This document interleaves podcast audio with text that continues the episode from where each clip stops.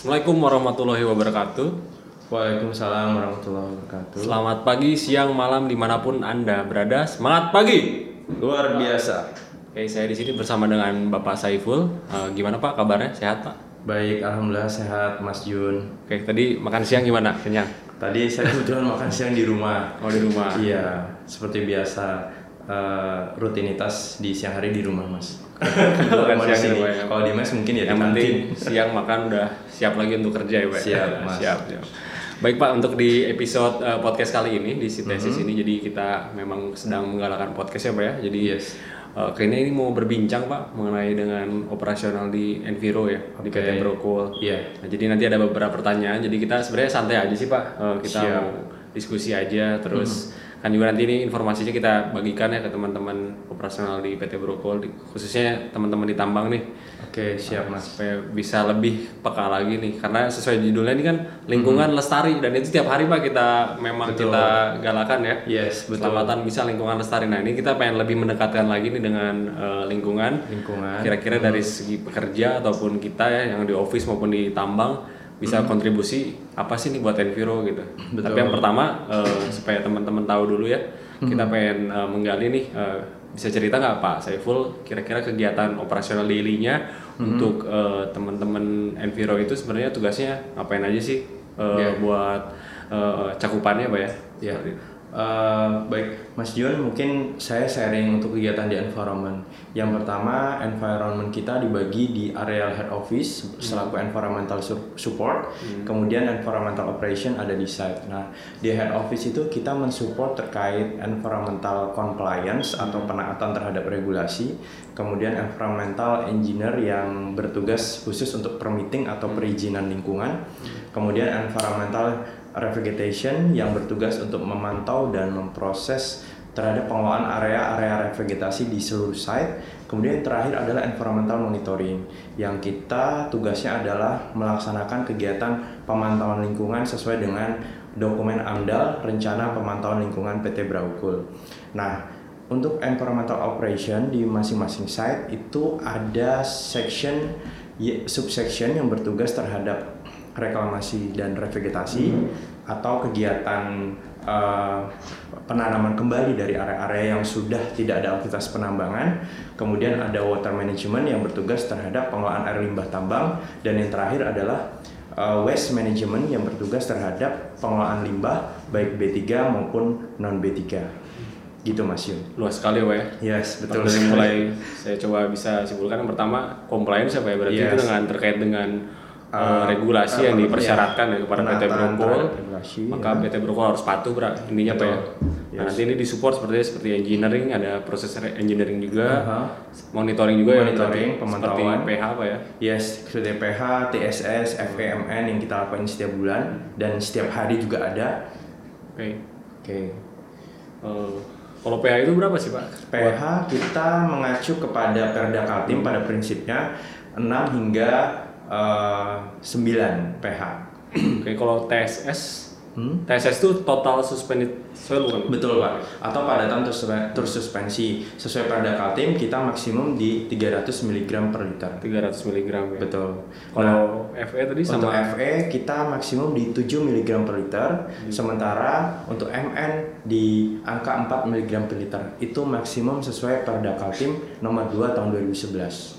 Nah, tapi eh, setiap izin water monitoring point atau uh, titik penaatan di settling pond kita itu sekarang sudah dilakukan pengkajian di masing-masing titik pemantauan uh, sesuai dengan beban pencemar. Sehingga apa yang kita masukkan dalam kajian pada saat proses perizinan itu angka batas maksimal dari baku mutu lingkungan masing-masing WP itu beda-beda tergantung dari kajian teknis yang telah kita lakukan. Karena beban pencemar di masing-masing WMP itu berbeda-beda mas. Gitu. Sehingga uh, kita akan menyesuaikan di situ.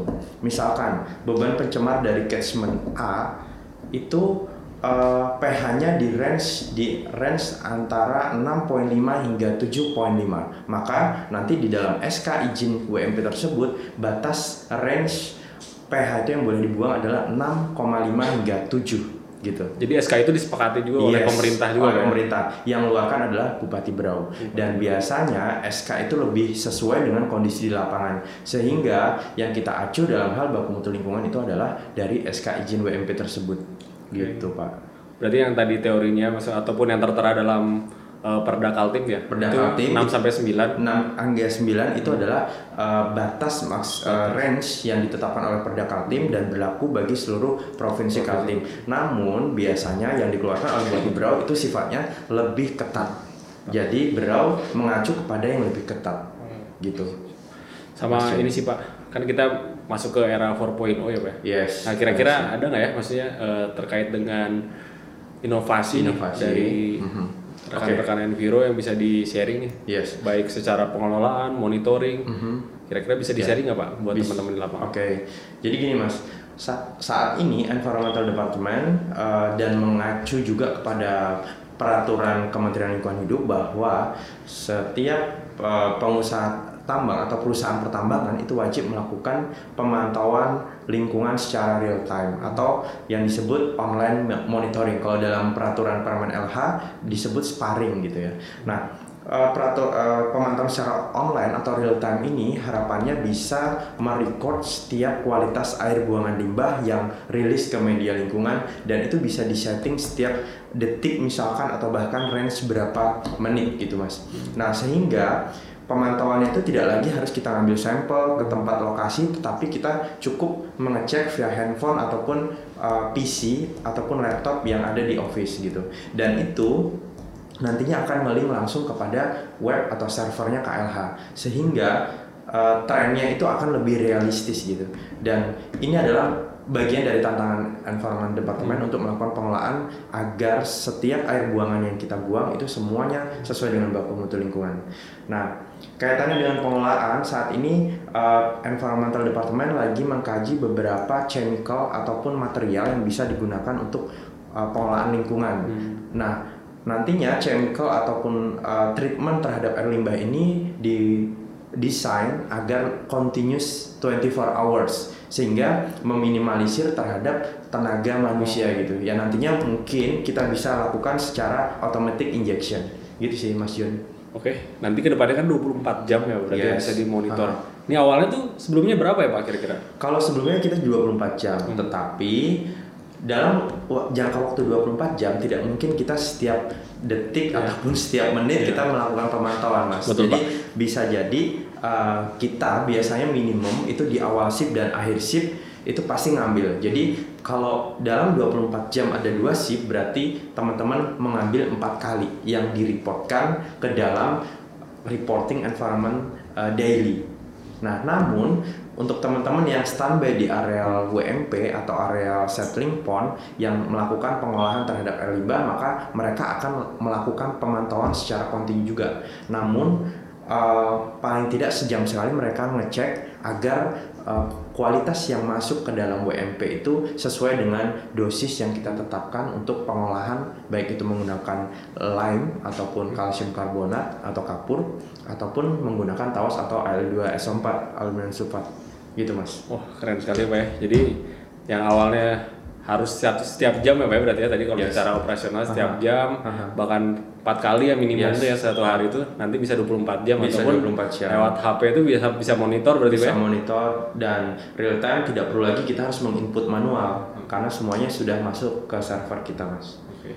gitu Nah, tadi itu adalah improvement Departemen Enviro di berbagai area, khususnya WMP. Lalu gimana sih peran kita untuk melestarikan lingkungan sebagai pekerja tambang? Stay tune terus di Bipod selanjutnya.